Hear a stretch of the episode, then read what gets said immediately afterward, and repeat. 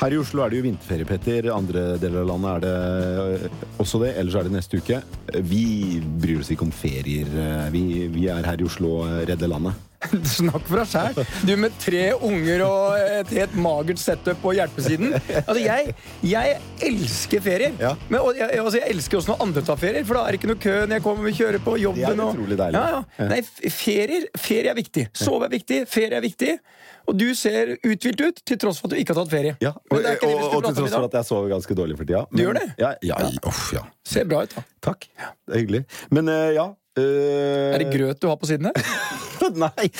Nei, i, denne gangen har jeg faktisk unngått å ha grøt på genseren. Okay, det det var jo en episode her jeg hadde jordbæryoghurt fra Sprett Ja. uh, på frakken min. Men øh, Det passer jo egentlig bra til temaet vårt. Det der at overraskende ting skjer. Overraskende ting skjer, ja. Det vi skal snakke om, er jo hvordan man håndterer vekst, eh, og, og eh, hva vi skal leve av i dette landet etter oljen, som er det liksom store, slitte klisjeen i alle næringslivsdebatter og konferanser. Men eh, til å hjelpe oss med det, og vi trenger hjelp, Petter, Ja. det, eh, som alltid, så har vi eh, Stormkast-stallmedlem eh, numero uno, tør jeg nesten si, Kjersti Hobøl i Nille. Velkommen. Tusen takk. takk. Alltid like hyggelig. Ja, og det, vi eh, Det er jo en av våre favoritter. Ja, det er det. Ja. Eh, absolutt. Eh, og du eh, var jo on fire eh, rett før vi gikk inn i studio her og snakket om Nille. Det er virkelig noe du brenner for. Det er lett å se. Det brenner jeg for. Ja. Og det her, det skal gå bra. Og, men det er et stykke jobb som skal gjøres. Så og det brenner litt i Nille òg. det brenner litt overalt, tenker jeg nå. Eh, Det er, skjer ganske mye. Men det jeg tror eh, folk glemmer litt og tenker litt på, er hvorfor det skjer. Og at man kanskje finner litt for enkle konklusjoner på hvorfor det skjer. Netthandel får jo skylda for alt, særlig innenfor retail. Men jeg tenker at det bildet er litt mer sammensatt enn det. Og det handler også om innovasjon og utvikling og vekst og nyskapning. Eh, som er litt innenfor det temaet vi skal Ja, snakke om. bra. Og eh, da må vi jo ønske deg velkommen også, Rikke Ekko Føvding i Norsk Venturekapitalforening. Ja. Eh, sa jeg det riktig nå? Du sa det riktig. Ja, så bra. Ja. Fordi du er jo da representanten for de som virkelig er vekstselskapene, da? Eller de som investerer i vekstselskapene? De som investerer i vekstselskapene. Eh, du har kanskje ikke så mange niller å bekymre deg for i din jobb? Den Eh, type virksomheter? Nei, altså det er jo, de medlemmene hos meg har jo noen porteføljeselskaper eh, innen flere forskjellige sektorer, også retail. Eh, men eh, min jobb er jo å sikre rammevilkår for investorene, altså for venturefondene, for å passe på at vi har nok venturefond i Norge som kan finansiere veksten, da spesielt til startups, vekstselskaper. Eh, og også oppkjøpsfond som investerer i typisk mer modne bedrifter. Er det Men, men, men jeg har bare et spørsmål. Rikke, du er jo sånn supersmart, eh, 35 år, mastergrad i finans og som alt mulig. Eh, Men hvorfor i alle himmel og hav tok du ikke lappen før du var 26? Og så, det, det er greit. Jeg fant ut at du tok lappen når du var 26. Altså, dette er, jeg som kom fra Porsgrunn, første du gjorde var å ta lappen. Var du en uke over 18, så var det jo sinke. Du kjørte fra du var 13, gjorde du ikke det? Nei, jeg kjørte, fra, jeg kjørte varer fra jeg var 15. Fra du var 15, I butikken. Ja. Var Opel Kadett eller noe sånt? Nei, da kjørte kjørte jeg faktisk en uh, Toyota Crown, for det var faren min. Men eh, nok om det. Men, men det er ikke Altså, Én ting er å ta lappen når du er 26. Det er i seg en liten krise, etter mitt syn. Men så kjørte du ikke alene før du var 30. Hvem er det du hadde med deg i bilen i fire år?! Altså, Jeg må bare ha svar på det. Jo, nei, men det, det er veldig enkelt. Det er to grunner. Det første er at eh, jeg prøvde Jeg tok noen kjøretimer da jeg var 18. Det gikk kjempedårlig. Ja. Så jeg bare, og så bodde jeg i Oslo. Bussen går som bare det. Buss og T-bane og trikk. Og. Men mannen din, eh, er det sånn at du fremdeles har litt kjøreangst, sånn at uansett hvor dere skal, så er det mannen din som må kjøre? Nei, nå har jeg fått tillit. Nå, Ja, men nå kan jeg. Men han måtte lære meg å også, kjøre sånn på nytt. Hvis, du, hvis dere trenger noe, så har du ikke noe problem med å sette Ja, ja, nå kan jeg kjøre hvor som helst. Okay. Ja, ja, jeg har øvd. Du har, Jeg har øvd. Kan du er lukeparkere? Eh, Ja, jeg kan lukeparkere. Eller det vil si, da vi, da vi giftet oss, så var han sånn Du vet, jeg var jo litt sånn keen på å gifte meg, så han bare fine, det kan vi gjerne gjøre. Men det er to ting. Du må lære deg å gå på langrenn. For det har jeg heller aldri vært noe god på. Og du må lære deg å kjøre bil. Altså, ærlig talt, det må man kunne. Tok han dette opp som klausuler i frieriet? Det var forutsetninger. Høres ut Det veldig var romantisk forutsetninger. Ja, ja. Også, Ja, det- det- Jeg skal fri. Ja. Ja, var det en due diligence der også? Ja, ja, ja. Finansmann, vet du. Da blir det Ja, jo en god DD-prosess. Nei, så eh, Da vi gifte oss i bryllupet, så lagde jeg en sånn video hvor jeg skulle lukeparkere. Fikk jeg broren min og venninna meg til å filme og sånn. Og så klarte jeg å krasje i den bilen bak. Så den ble, den ble jo litt morsommere enn jeg hadde tenkt. Ja. Men vi er jo gift, og det Men funker. hvem på tross var det han som var med deg fra 26 til 30 i bilen? Nei, nei, nei, det var ingen. Da kjørte jeg jo ikke, jeg tok jeg bussen. Ok. Ok, Og lappen lå i en skuff hjemme. Vi kjører på uh, i Ja, vi kjører på. Vi kjører på.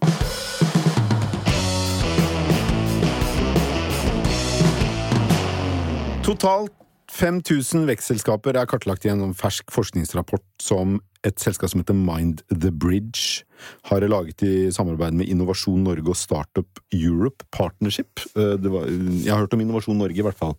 Men dette, det de fant ut av i denne rapporten, det var at 99 norske vekstselskaper eksisterer. Altså det er selskaper som jeg tror definisjonen de bruker, er selskaper som de siste ti årene har hentet inn over 1 million dollar i egenkapital eller annet sånt, og vokser fort. Noen kriterier for det. Det er veldig lite eh, i eh, nordisk sammenheng. I Sverige er det eh, langt flere. I Finland er det langt flere, mer enn dobbelt så mange i Finland som i Norge. Og det er jo en, en kjent sak at Norge har slitt med, og sliter med, å få opp mange som, raske vekstselskaper. Ja, og det, er en ting. Eh, dette er noe jeg brenner for. Og alle snakker om det. Det er viktig å få fram entreprenørene, vekstselskapene, det er viktig at folk satser. Det er den ene delen. Men den andre delen er, så fort de ikke får det til, så fort de går konkurs av en eller annen årsak, så er det så mange som peker på de og sier 'det var det vi sa', det gikk aldri. Altså Vi må slutte å stigmatisere de som går konkurs, for det er bare en Skal vi få fram mange bedrifter, så må vi heie på de. Kom igjen, prøv igjen, du klarer neste gang. I USA kan si det er mye gærent i det landet, men det er én ting som er bra. Der er det helt ok at du har prøvd og feila, så prøver du igjen. I Norge er det litt sånn Ja, det var han eh, som gikk konk, ja. Men i, i, i, eh, mange tror jo at det å bygge en vekstbedrift handler om å ha en god idé, og den ideen skal liksom rulle og gå av seg selv. Eh, mens gjennomføringskraften snakkes det jo forbløffende lite om. Eh, og så er det jo noen som kanskje kan sies å ha for mye gjennomføringskraft, også fordi veksten er for høy, og at det er veksten i seg selv som knekker eh, en del vekstselskaper. Og eh, Kjersti, du har jo, vi har jo omtalt deg her som Norges ubestridte omstillingsdronning, fordi du har vært gjennom flere omstillingsperioder. Men du har jo også bygget, og et av de selskapene du omstilte ganske radikalt, var jo Kid Interiør, som du jo også da bygget opp med, og i noen år med ganske rask vekst, og har, har jo virkelig blitt en suksessbedrift. Ja, ja. Etter at du snudde det fra å være Det er Norges i- i- mest lønnsomme retail-kjede, Mm. faktisk, og børsnotert i tillegg. Men det som folk undervurderer, er jo likviditeten du trenger. Altså, eh, vekst krever arbeidskapital, og den der hiten som du får på likviditeten, som kommer og tar deg bakfra uten at folk egentlig skjønner hva som skjer. Og det er da jeg tenker at eh, noen bør hjelpe de som kjører i gang med en startup, til å lage et business case hvor du har en plan B, hvor du på en måte har begynt å jobbe med å sikre likviditeten, og kanskje en investor før du egentlig kjører i gang for fullt også. Eh, DNB prøver jo det nå med at de skal ha litt sånn startup-hjelp. Og du har jo Ferd, og du har jo mange som, som er, er der, og Innovasjon Norge selvfølgelig. men jeg tror man undervurderer veldig hva det krever av arbeidskapital. Og hva skjer med de gründerne som sitter her? Hvis du ser at du har, du har penger til, til lønn og drift i tre måneder til, hva skjer med kreativiteten og gjennomføringsevnen din da? Hvis du skal plutselig begynne å jakte cash, hvis ideen din er supergod? Men det burde jo være åpenbart at du må ikke glemme om du har penger på konto. Du, man ikke Ja, bare skal fokusere på med- vekst. Den er det, er det brødboks det het, den mm. som han Arnulf Refsnes hadde, som, Ja. som vokste altfor fort. Eh, hvor han sier at de, de kom og tok de bakfra i forhold til at de var tomme for cash, selv om de omsatte for mer og mer og mer. Men de, vekst krever penger. Ikke sant? Og i den fasen der så er det helt kritisk hvis ikke du får inn den kapitalen du, du trenger. Og da, da snakker du fort om mye penger i en kort periode før du tuner deg inn igjen. Er det det aller viktigste du vil si for å lykkes med et vekstselskap? At du har eh, Altså, god jeg legger jo til grunn at eh, forretningsideen og alt det der, business case, er bra nok. Men jeg tror man undervurderer eh, behovet for kapital i perioder. Ikke hele veien, men i perioder, når du skal ta disse giant steps eh, videre. Mm. Og det ser man også når du restrukturerer. Det kommer, altså. Og det treffer deg midtskips. Men Rikke, Rikke du, hva, vil, hvis, hva mener du er det viktigste? Du skal liksom være eh, den som har svaret på hva er viktig når du starter et selskap. Altså, vi, Suksesskriteriene. altså, vi spurte jo faktisk 77 vekstselskaper, og da definerer vi det som både de som har hentet penger, og de som bare har en høyere vekst enn 10% i året. Eh, enn denne- 10 Det er et vekstselskap. Nei, altså Vi lagde noen kriterier for å liksom okay. samle, så vi gjorde en undersøkelse sammen med Abelia, som er en økonomisk ord for oss. Og det eh, vekstselskapene svarte, var at eh, deres største hindring for vekst eh, det var kapital, kompetanse og kapasitet. Og alle de tingene går jo egentlig på penger. Og det sa de bare fordi det var en fin alliterasjon. Det da var tre k-er, og det hørtes veldig bra Var ikke, det, var ikke det veldig flaks? Jeg er veldig, veldig glad i alliterasjon. Jeg har hørt om KKK og Ja. så- Nei, men, men eh, det som er at det er jo interessant, fordi alle de tingene går jo egentlig på kapital. Altså det å få tak i eh, riktige mennesker, du må betale for dem, og du må betale den veksten. Og det en del investorer også sier, altså mine medlemmer, er jo det at det er noen som, en del startups og vekstselskaper som henter inn for lite kapital av gangen. Og da får du den derre ok, du har penger de neste tre til seks månedene, og så blir det bare en sånn evig runddans etter penger. Og det gjør de sannsynligvis fordi de er livredd for ett ord, og det er utvanning. Ja. Og som jeg prøver å lære i, innvanning er et annet ord. Eh, man skulle hatt liksom et kurs om det også. Og så er det sånn at eh, i Norge, og for så vidt også delvis litt i Norden, så er det sånn at vi har en del såkornfond som er av en viss størrelse, men vi har ikke så mange venturefond som er litt større. Så det gjør jo det at eh, når fondsstørrelsene i Norden og Norge er mindre enn de er i Europa og resten av verden, så blir også dealstørrelsen og investeringene mindre. Ikke sant? Og da rekker pengene ikke så langt. Da blir ikke veksten så stor. Og det er jo ingen grunn til at vi ikke kan bygge disse teknologiselskapene ut av Norge. Men nå er de Eh, veldig på. Ja. Nå er de veldig på eh, teknologiselskaper, og det er jo gjerne det man forbinder med vekstselskaper. Men man kunne like så godt snakket om en, en restaurant som går utrolig bra, og så tenker eierne at uh, dette konseptet funker så godt at vi starter en ny filial på den andre siden av byen. Uh, og så går kanskje den kjempebra, men så, men så går den første butikken, som var hele grunnlaget for uh, at de lyktes, den går over ende fordi de glemmer kjernen, eller de glemmer driften. og mister fokus, ja. Mm. Og det er vel noe av det eh, Nille har erfart, er det ikke det? At man Jo, altså, liksom glemmer litt eh, Du og det som var basisen for de pengene du tjente, og særlig hvis du skal ekspandere og gå utover landegrensene. Det er litt sånn på retail-siden, da. Det er jo klassisk, ikke sant. Altså du går over f.eks. i Sverige og åpner butikker, og så går ikke de sånn som det skal. Og så begynner det å bli en cash drain, og så blir alt fokuset fra styret, fra administrasjon, alt går på der hvor det brenner. Og så glemmer du å ta vare på det som egentlig genererer det du lever av. Eh, og det, det gjelder jo i alle typer virksomheter. Og hva skjer hvis du ikke ser de menneskene som står her og jobber i det daglige og, og, og genererer gode penger? Ja, hvorfor skal jeg jobbe en time ekstra da, uten å få kanskje så veldig godt betalt for det, som butikkleder, hvis ingen bryr seg? Ja. Hvorfor skal, du, eh, hvorfor skal du stille opp noe mer hvis ingen ser deg og ingen bryr deg? Og da begynner du å miste taket på virksomheten din, og det er jo livsfarlig. Da går det fort utfor, altså. Ja, og det, jeg jeg syns det er viktig det du snakker om, for det er veldig fort at vi bare fokuserer på tech-selskapene. Men det er enormt mange vekstselskaper innenfor andre bransjer. Altså, i- Se Norge, da. Laks, tenk på det har betydd, eller fiskeindustrien, hva det har betydd for oss. Um, og vi har et enormt potensial, men det er en eller annen grunn til at Sverige lykkes på en helt annen måte å få fram alle disse selskapene. Og ikke minst at alle pengene i Europa, mange av de ser til Stockholm. Um, og, eh, så, og, Rikke, hva kan vi gjøre med det? Liksom? Hva kan vi gjøre for å bli flinkere her? Er litt sånn, og for meg, eh, bare sånn litt innspill til deg, Kjersti. Jeg sier jo vi bygde selskap på tre P-er, siden det var tre K-er. People, Planet og Profit, i den rekkefølgen. Men vi har alltid passa på én ting. Det er never run out of cash. Og det er der de feiler. Altså, de feil. Jeg er sikker på at hvis du analyserer, ok, jeg har gjort de samme analysene som deg, Rikke, så driter de seg ut fordi de går tom for cash. Og da hjelper det ikke hvor god idé eh, du har, for det stopper bare opp. Ja. Rikke, hva skal vi gjøre? Nei, altså Det er jo helt riktig det du sier, at uh, veldig mye av venturekapitalen uh, som kommer til Norden, går til Sverige. Uh, og dermed så blir det også flere suksesshistorier. Altså, jeg mener, Jo flere dører du banker på, jo mer selger du. Det er veldig enkelt. Men men jeg tror på en måte vi skal gi oss selv litt slack her òg, fordi det er bare de siste kanskje tre-fire årene at det virkelig har skjedd ting i norsk startup-verden. Altså, nå er det masse etableringer, det er masse som skjer. Så det kan jo være at vi kommer til å se en del ting her de neste årene. Eh, vi spurte eh, alle nordiske venturefond sant, om du er mer eller mindre optimistisk for nordiske venturemarkedet for de neste tolv månedene. Tror du det kommer til å gå bedre eller dårligere? Og, og de fleste var mer optimistiske, og de aller mest optimistiske, det var de norske aktørene.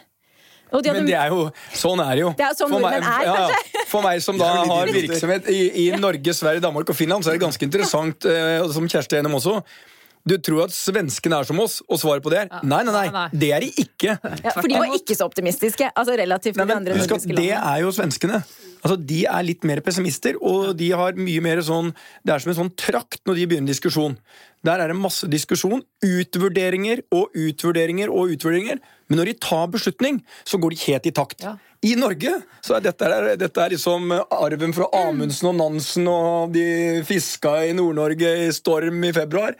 Det er sånn veldig kort diskusjon, vi tar en beslutning, og så går alle litt i den retningen de tror. Og så av, avjusterer vi underveis. Ja. Og, ikke sant? og det, det, er, det er helt merkelig. Det er helt forskjellige måter å jobbe på. Ja. Det, du kan bli så frustrert eh, som nordmann av det, og svenskene blir like frustrert av oss. Fordi de føler jo at hvis du har tatt en beslutning, så skal du, da er det execution. Ja. Det skjer ikke i Norge, vet du. Det er Nei. større kulturelle forskjeller enn man tror. Vi hadde sånn nordisk prosjekt, og da endte han ene dansken med å si sånn Petter ikke.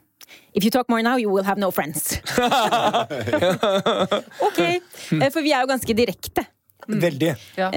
Men svenskene er mer hierarkiske. Ikke sant? Du, de er litt mer sånn forsiktige med hvordan de adresserer ting til hverandre. Ja, og danskene er litt formelle. Ikke Ja. Det er liksom starter e-posten med 'kjære Rikke' og Ja. sånn. Kjært Det er ikke sånn 'oi, der'. Ja, dette har vi snakket om tidligere, sånn eposkultur, og det er, veldig, det er et krevende tema som liksom aldri, aldri blir kjedelig. Jeg synes nesten hver gang jeg skriver en mail, så vurderer jeg hva, hvordan skal jeg si Skal jeg si hei, skal jeg si kjære, skal jeg, skal jeg ikke si tenker du på sånne ting? Jeg gjør det, Petter. Oh. Men jeg jobber jo i kommunikasjon, med kommunikasjon Ja, også. det gjør ikke jeg. Eh, men eh, ok, så uh, kapital. Ikke, lø, ikke gå tom for kapital. Og så er det ikke glemme kjernevirksomheten. Eh, to viktige kriterier for å håndtere rask vekst. Er det andre som eh, Skal, vi må huske skal på? du ha en modell? Har du en modell? Jeg har en modell. Kjør på med en Eh, modell. og den er utarbeidet ved Norsk Kjøpmannsinstitutt Ja. av meg. eh, midt mellom frukt og grønt-kurset og grillkurset. Ja. Eh, og den er basert på følgende. Når du har et case, så kan du dele inntektene på pi og gange kostnaden med pi. Hvis det fortsatt da er bærekraftig, så, så begynner jeg å tro på ideen din. Fordi fenomenet er alle overvurderer hvor fort inntektene kommer, og alle undervurderer hvor store kostnadene blir. Og hvis du da tar med en eh, faktor til, som er X-faktoren, har du nok penger, så er svaret stort sett alltid nei. Ja, det, er- der, er- I, 2000. I 2009, tror jeg det var, så satt jeg og noen eh, flinke folk og regnet på når runder E24 100 millioner i omsetning. Aldri. Nei, og det var, jeg tror svaret var sånn Nei, det, vi er der i 2011, og jeg tror E24 er der neste år.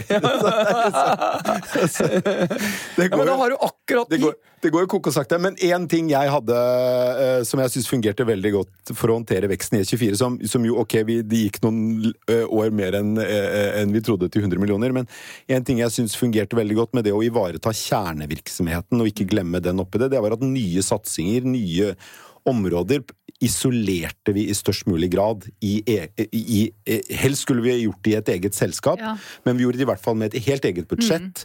Og det var et helt eget altså et prosjekt, Et eget team som- budsjett, et eget team som var helt dedikert det. Sånn at man kunne snakke om to ting på samme tid, og man kunne styre to ting på samme tid. Og at man ikke liksom Vekstinitiativene ble bakt inn i de eksisterende tallene, for der er det alltid den største aktøren som liksom tyngdekraften virker. Ja, og så mister du fokus, for alle vil Ja. jobbe med det siste, det nye, det som er spennende. ikke sant? Eh, Sånn at hele virksomheten bare plutselig vrir seg uten at du skjønner det. Mm. Og når du skal få det inn på rett spor igjen, det er tungt, fordi da, det er kjedelig. ikke sant? Og så mister du taket på det.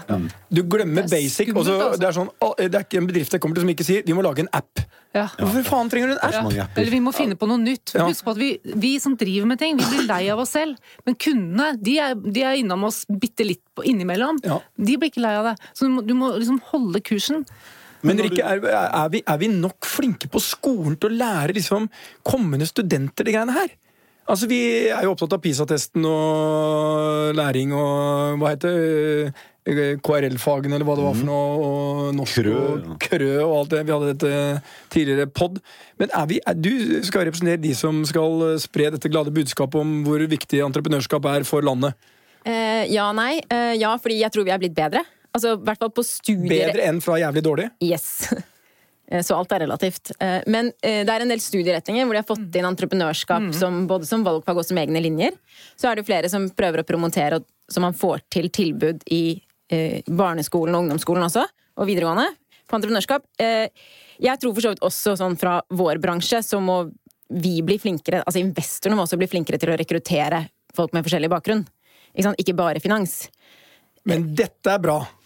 Dette er bra. Og jeg har ett spørsmål til deg. før- dette har ikke vi hatt en veldig høy diskusjon om. Nei, men, men bare, bare ett spørsmål. Mm. Hvis du skulle eh, karakterisere en gjennomsnittlig eh, investor som eh, du representerer, Mm. hva er alderen, hvor er han utdanna, og hvordan ser han ut?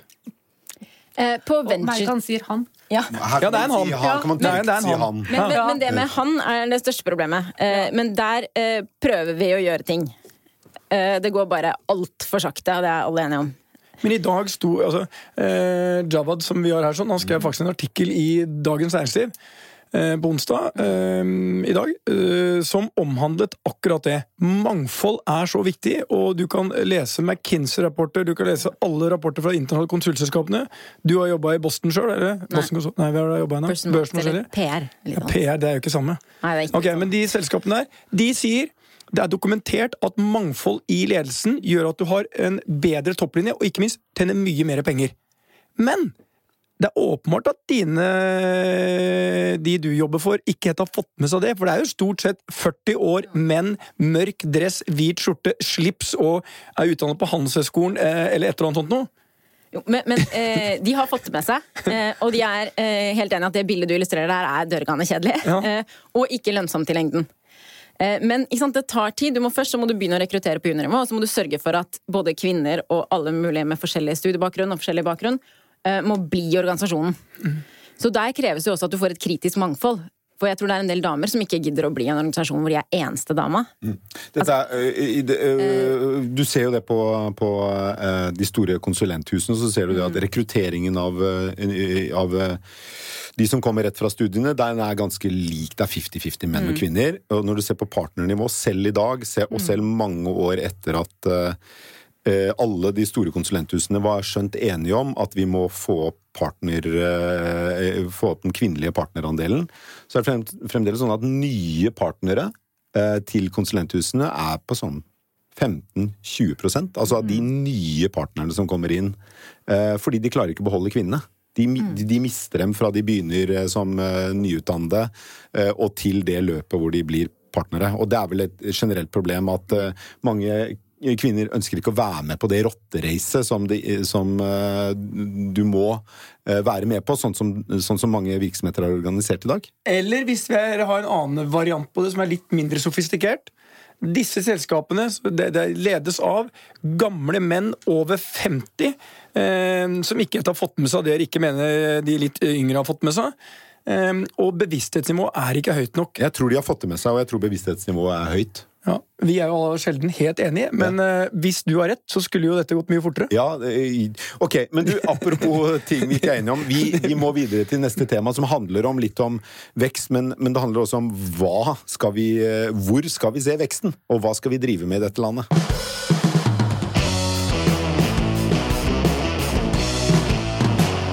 For noen dager siden så bestemte regjeringen at det skal åpnes for utvinning av kobber i Kvalsund i Finnmark. Eh, beslutningen har satt sinnene i kok hos mange, fordi når du da utvinner det kobberet, så må du gjøre eh, Du må finne en plass for all den eh, jorda og restmaterialene som eh, kommer av kobberutvinning.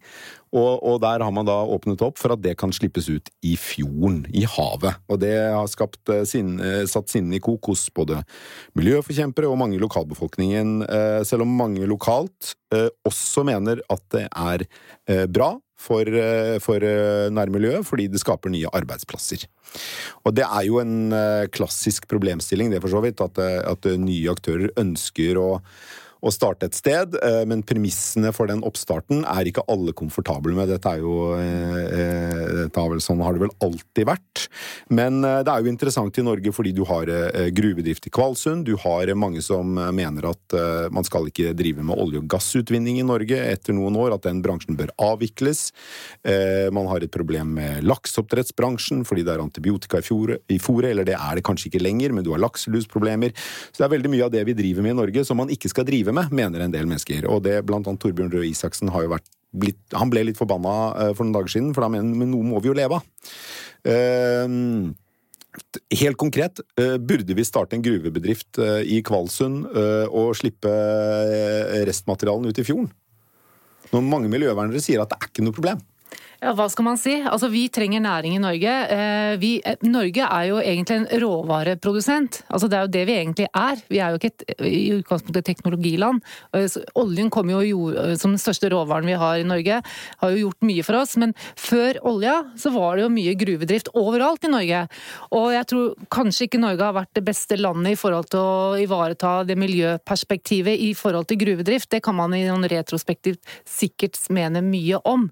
Men i dagens dagens moderne samfunn hvor vi vet mye om farer, om hva, hva forurensning medfører. Eh, disse, disse, jeg eh, skal ikke påberope meg å kunne dette godt nok, men man må jo kanskje ha litt tillit til at det har vært utreda såpass bra at, at det, it makes sense. Eh, eller kjører vi, gir vi bare faen og kjører på fordi vi trenger arbeidsplasser, vi trenger inntekter, og så får de som kommer etter oss rydde opp? Det er litt vanskelig for å tro at det er tilfellet også. Men, men, den debatten mellom på en måte eh, det vi trenger av fornybar energi, hvor på en måte vi trenger kobber, ja. og naturvern, den er også ganske interessant, for vi har jo samme med vindmølleparker. Mm. Ja, og, og, for så vidt også med olje og gass. Ja, ja, man kan argumentere for at det er fornuftig å uh, gi klimaperspektiv å eh, hente olje og gass opp av norsk sokkel fordi det erstatter kull, eller Og drar den enda lenger ut, så har du den pågående diskusjonen i Breivik hvor NOAH, som eh, ønsker å deponere eh, nye steder å deponere eh, farlig, avfall, ja. sant, farlig avfall, som er destruert og, og gjort noe med. Eh, for alle vil jo ha godene ved å, å leve i et land som er rikt og har det fint, men ingen vil ha det som det medfører. Eh, og hva gjør vi med det? Skal vi klippe håret på hverandre alle nei, sammen? Nei, nei, men altså, uh, her er, er, jo en som uh, egentlig ble anmeldt fordi jeg var på et sånt, uh, demonstrerte mot et sånt dypvannsdeponi ute på Malmökalven i Oslofjorden. Ja. Som ikke jeg syns var det smarteste. Hva var problemet med det? Problemet med det var at de, de, tok opp drit, inklusiv kvikksølv, innerst inni der det Bjørvik er i dag. Og så flytta de det rett ut i fjorden og dumpa det ned. Mm. det, det, forsvinner aldri, det er der til evig tid. Og de kunne bare hatt, som du sier, kunne deponert det på land land. Mm. Det eneste forskjellen var, det var litt dyrere. Mm. Men risikoen var mye høyere. Og det er sånn, Jeg liker Torbjørn Røe Isaksen. Er jo, han er jo fra eh, en av de byene som har eh, virkelig levert mye Kvalitet. På, på, innovasjonssiden og næringsutvikling ja, ja. i Norge. Blant annet Norsk Hydros fødeby. Porsgrunn. Spredt og i klynger, der elven seg slynger, ligger du Porsblomstens by. Nå, nå Men, prater du deg langt ut på vidden. Nei, nei, noe må vi leve av! Ja, det er helt riktig. Men no, noe må vi leve av i det landet her. Og tenk da, hvor Det er sånn som når jeg, jeg skal ikke liksom eh, snakke om hvorfor vi skal skyte hval eller ikke, liksom. Det er bare et problem. Turisme, eh, altså, turisme har et enormt potensial. Fisk, protein fra havene, har et enormt potensial. Fornybar energi har et enormt potensial. Der har vi fortrinn, eh, frem, fremfor de fleste land i verden, og vi kan bare bli bedre, og det er masse arbeidsplasser. Dette er for meg Vi har en del sånne helt marginalnæringer. Eh, så dette blir aldri veldig stort. Det er som hvorfor holder vi fortsatt på med kulldrift på Svalbard? Altså Svalbard er et, en, et turismemekka. Og så skal de fortsette å diskutere om de skal sponse den med hundrevis av millioner for å ta opp kull.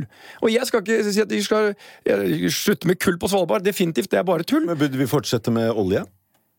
Definitivt. Um, uh, men det er en helt annen pod. Uh, Nei, men det er jo litt til dette. Altså, hva, skal vi, hva skal vi leve av? Og, for det første så er oljen i Norge mye bedre enn annen olje. Og faktum er, som sentralbanken sa i sin årstale, hvis vi stopper, så er det andre land som tar over. For det er nok av olje i verden. Det er bare liksom, hvor du tar den opp igjen. Norsk olje er bra, verden trenger olje. Men du kan ha to tanker i hodet samtidig. Equinor de sa nå at de skal også satse på ny fornybar energi, og derfor bytta de navn og ble et energiselskap. Det syns jeg er en, en, en, riktig retning på det selskapet. Så jeg er helt enig med Rikke. Altså, vi kan gjøre mer. Og så kan vi godt ta diskusjonen om vindmøller til havs eller uh, vindmøller på land. og sånt noe.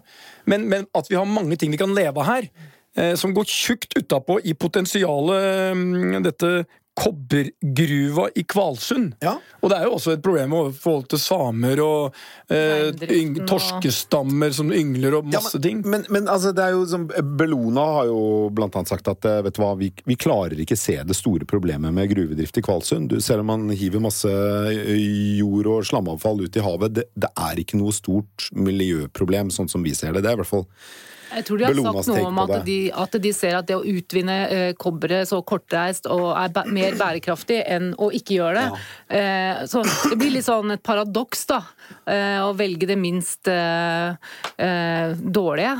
Men er- vi, er- vi der i, i liksom veldig mye av det som er eh, råvarebasert produksjon i Norge? Har vi kommet til et punkt der alle særinteresser, eller interesseorganisasjoner, for å bruke et eh, litt mindre ladet ord, eh, som advarer mot noe, og som tegner fanden på veggen, får en for stor definisjonsmakt. For eksempel da med at vi har vernet Lofoten og Vesterålen for all oljeutvinning i, all overskuelig fremtid, selv om alt tyder på at det er mye olje og gass der.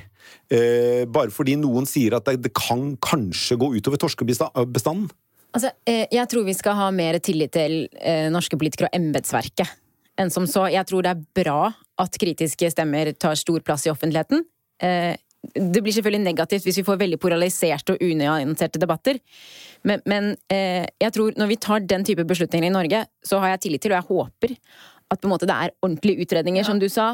At man på en måte tenker seg godt om, man vurderer alle mulige sider av saken før man gjør noe. Ja, men det er jo sånn konsekvensutredninger viser jo at det er, det er, Det er sannsynligvis, ikke noe, ja. det er sannsynligvis ikke noe stort problem med å sette opp en oljerigg utenfor, eh, utenfor Lofoten. Det er uh, liten sjanse for uh, oljeutslipp. Det har ingen så vidt vi kan se, noen konsekvenser for torskebestanden i området. Men likevel så blir da leting utenfor, olje og, uh, utenfor Lofoten og Vesterålen utsatt og utsatt og utsatt. Ikke fordi embetsverket eller ekspertmiljøer advarer mot det, men fordi det, er, det slås politisk mynt på det. Det er vippepartier som får stor innflytelse. Uh, Og da er det jo da de som maler fanden på veggen, som, som har på en måte en avgjørende vekt på viktige beslutninger for norsk næringsliv. Ja, men, men akkurat når det gjelder Lofoten og Vesterålen, så tenker jeg det er litt sånn at du, trenger jo faktisk ikke å utvinne der nå. Eh, så det kan jo hende at det perspektivet endrer seg etter hvert som det er mindre igjen andre steder. Who knows? Ting har jo en tendens til å endre seg etter hvert som eh, rammevilkårene endrer seg. Og så er det noe med verdensarven og, og hva vi skal etterlate oss også, da. Det, og skal du skvise alt ut på, med en risiko i forhold til hva du sitter igjen med. Så det kan hende at akkurat det standpunktet der, sånn som verden er nå, er kjempefornuftig. Det er noe med, som Petter sa, å selge turisme i Norge. Det er rent, det er, det er ikke Du kjører ikke en ribb ut til en eh, oljeplattform. Du kjører en ribb ut for å se på havørn. Sant? Tenk Tromsø, når det er stein mørkt i januar, hadde høyere pris Altså, Folk var villige til å betale nesten Ja. dobbelt av det de betaler i Oslo-området for å stå der, for de skal se på nordlyset. Ikke sant? Og de skal lage barn under nordlyset, i hvert fall japanere, for de tror de får finere barn. Og jeg sier at det er helt rett. Det er vitenskapelig bevist at bor du på et Choice Hotel, og det er nordlys, så blir, får du vakre får du barn. penere barn. Dagen- dagens. Men, men Rik, hvis du, hvis du hadde kunnet bestemme, da, du sitter der og du bestemmer jo litt, men du bestemmer ikke alt. Ville du øh, i- eh, sagt til dine medlemmer at de kunne investere i gruvedrift? Hvor høyt opp på liksom, lista over anbefalt næring hadde den vært? Eh, Jeg tror faktisk det er en del som ikke har lov i sine avtaler å investere i gruvedrift. Dette er jeg ikke sikker på, så jeg skal ikke si for sikkert. Det er Men masse vi ikke er sikre på, her, som vi sier. ja. Altså, vi var jo er veldig usikre på om. Kvalsund var i Ja. Finnmark, men vi ga jo sjanser. Vi er en pod som tar sjanser. Nei, altså eh, det vi ser er at De fleste av våre medlemmer har spesialisert seg på en eller annen sektor. Eh, så vidt jeg vet er det ikke så veldig mange som har spesialisert seg på gruver. Er det noen? Eh, nei. Men det er investorer som har spesielt seg på olje og energi, spesielt leverandørindustrien der. Utvikling av teknologi. Eh, men det alle disse har til felles, er jo et økende eh, fokus på bærekraft og alt som har for ESG. Og det er jo ikke bare miljøbiten. ESG? Ja, det er Environmental Social Governance. Og det er jo alle tre bokstavene. ikke sant? Det ene er miljø, det har kommet mer og mer det siste på årene.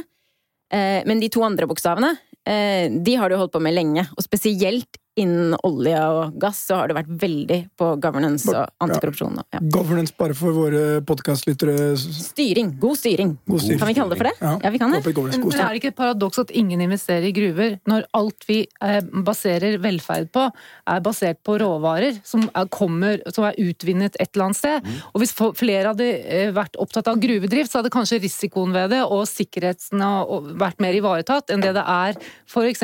type Kongo eller altså andre land som, hvor mennesker dør daglig fordi man skal utvinne råvarer. Men det fins jo profesjonelle investorer som investerer i gruver. Jeg tror bare at det er ikke så mange av dem i Norge. Nei, nei, ikke sant? Fordi det er sant. de har Og det- og- og- prioritert det andre Det er, jo det- dette, det, det er jo dette det handler om. Hva skal vi i Norge investere i? Hva skal vi liksom, eh, hvem skal vi heie fram? Men jeg tror jo at hvis du går på Norsk Venturekapitalforenings eh, årsmøte, eh, og du, du investerer i, i liksom, liksom tech-oppstartsmiljøer med liksom fantastisk mangfold og bærekraft, og hele verdiplattformen er på plass, og alle de rette ordene kommer ut av munnen på personen. Og så ved siden av ham står det en som investerer i gruvedrift. Ja, det er jo ikke tvil om hvem som liksom Det er ikke så sexy. Nei, det er ikke så sexy. Eh, Og er, er, er- vi ikke litt der nå at vi, vi, vi, vi liksom gjemmer bort og nesten skammer oss litt over veldig mye av det vi faktisk lever av i dette landet? Vi lever av olje, vi lever av gass, vi lever av oppdrettslaks. Vi lever av ting som har eh, side ved seg, som kanskje ikke er like eh, flotte og vakre, eller passer like godt inn i bærekraftsverdier, men, men som verden trenger.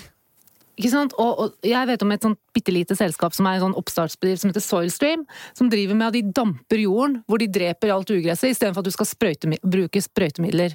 Og de har jo blitt kåret til det mest innovative og er kjempe Det er liksom virkelig for Men det er ikke så sexy, ikke sant?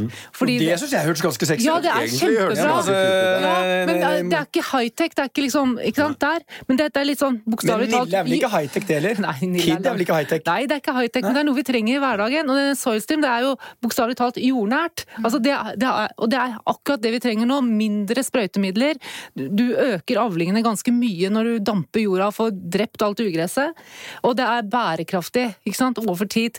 Men de også trenger jo investorer. Ikke sant? De trenger å vokse. Kapital, det vi har snakket om. Så, men det er ikke så lett å attrakkere eh, kapital inn i det, fordi det høres ikke så kult ut. ikke sant? Det er liksom sånn Hva ligger det i det?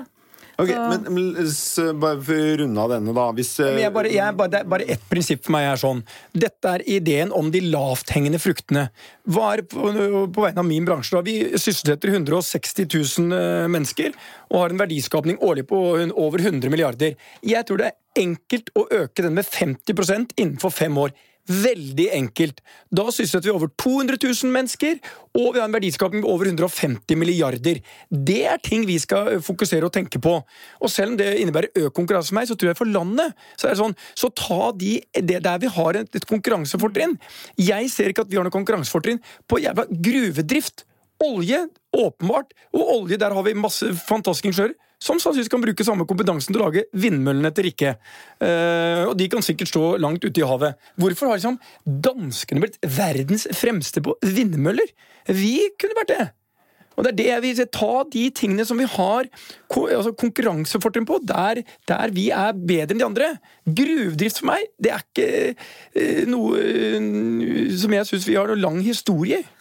Nei. Du har ikke vært på Røros? Jeg har vært på Røros, og det, det garanterer at det, eh, det, eh, Og vi tar de to eksemplene meget raskt og skyter de rett ned. Det er turister eh, Det er turismen som Røros og Kongsberg I den grad det er noe i gruven som skjer der, så er det turister. Det utvinnes ikke en sølvmynt på Kongsberg eller på, i Røros. Nei, det gjør det ikke. Uh, Og det er fortsatt kull på Svalbard. Ok, men um, Vi må leve av noe av dette landet. Uh, Dette landet her, det går som, en, som, uh, som Donald Trump ville sagt det, er well-oiled machine. Vi har med vært- et oljefond på 8600 milliarder som passerer 10 000 milliarder, med overskudd på uh, importen fra Altså, vi er jo, vi er jo et fantastisk land. Vi, vi har vært i Nord-Norge, i Kvalsund. Eh, vi skal holde oss i Nord-Norge, som de ville sagt på Dagsrevyen. ja.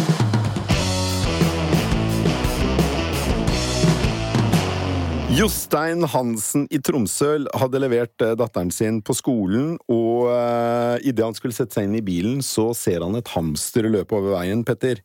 Han uh, syntes jo det var trist å se at noen hadde mistet hamsteret sitt, og tenkte jo åpenbart også på hamstere som ikke klarer seg ute i, i, i, Guds frie natur. i Guds frie natur. En kald uh, uh, februardag i Tromsø. uh, så han løp etter hamsteret og klarte imponerende nok å fange dette hamsteret. Hvorpå han da hiver hamster inn i hanskerommet på bilen, eh, eh, varsler Tromsø dyrebutikk om at han er på vei, og sender en, eh, en lapp til I Tromsø, som er en nettsted i, i Tromsø, og varsler om at eh, her må dere gjøre en sak på dette, folkens, fordi noen i byen har mista hamsteret sitt, eh, og vi må, vi må finne eieren. Eh, Jostein kommer til dyrebutikken, tar hamsteret varsomt mellom hendene sine og går inn, og får beskjed om ja, men det er ikke et hamster. Det er en lemen. Du har fanga en lemen, du, Jostein. Det er godt gjort. Ja, det er ikke slutten på storyen, for han, øh, de vil jo ikke ha øh, hamster, øh, lemme, vil jo ikke ha det Nei, lemmene. for Jostein står jo der med et vilt dyr mellom hendene, og eh, det er ingen eiere som savner det lemmenet. Det, Nei, og det, det de gjør, er at de natur. slipper den ut på parkeringsplassen. Hvorpå den, dette hamsteret, som egentlig er en lemen, da, holdt på å bli tatt av en kråke. eh, og dette, dette er jo egentlig Det bringer meg tilbake til eh, vekstbedrifter, eh, som vi snakket om tidligere i podkasten. Og dette er moralen i det, hvis du er en eh, liten lemen eller en liten vekstbedrift. Hvis situasjonen er rimelig bra, slutt å fres så du holder på å sprekke. Fordi idet de blir sluppet ut, så holdt den på å bli tatt av en kråke. Så hvis du har det rimelig bra Sitt stille i båten! Eller i hanskerommet, Ellers så kan det bli tatt av en kråke! Og det er tross alt bedre å sitte i hanskerommet enn å bli tatt av en kråke. Og sånn er det med det. vekstbedrifter.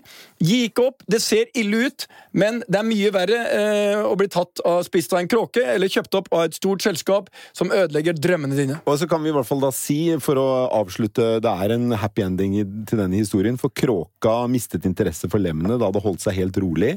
Fløy videre, lemmene hastet ut i Guds frie natur, og Jostein Hansen øh, eh, Imponerende. Fanget en, en lemen med sine bare hender. Uh, mindre imponerende, han så ikke forskjell på et lemen og en hamster. Men han fortjener ukas bær fra oss. for Vi syns det var uh, en fin Vi hadde heller ikke sett forskjell på en lemen og en hamster. Hadde ikke det. Men vi hadde kanskje ikke løpt over halve vidda for å fange den der uh, hamster heller. Nei. Og jeg lurer på, hva, lurer på hva lemmene tenkte da det satt der inne i hanskerommet. Enda med- enda mer når det kommer en svær bjørn løpende etter det stakkars lille hamsteret som løp der, da. Jostein Hansen, en sann dyrevenn som var litt flau da han eh, fant ut at eh, Og han hadde varslet avisen og fant ut at han hadde et lemen mellom hendene sine. Men eh, imponerende fangst. Neste gang så blir det et hamster du redder. Meningen var den aller, aller beste, Ja. og lemene lever, får vi håpe, fremdeles. Og har det, Lemen har det, eller lemmene. Ja, lemmene. Lemmene. Ja. Eh, Lemmene blir noe helt annet igjen.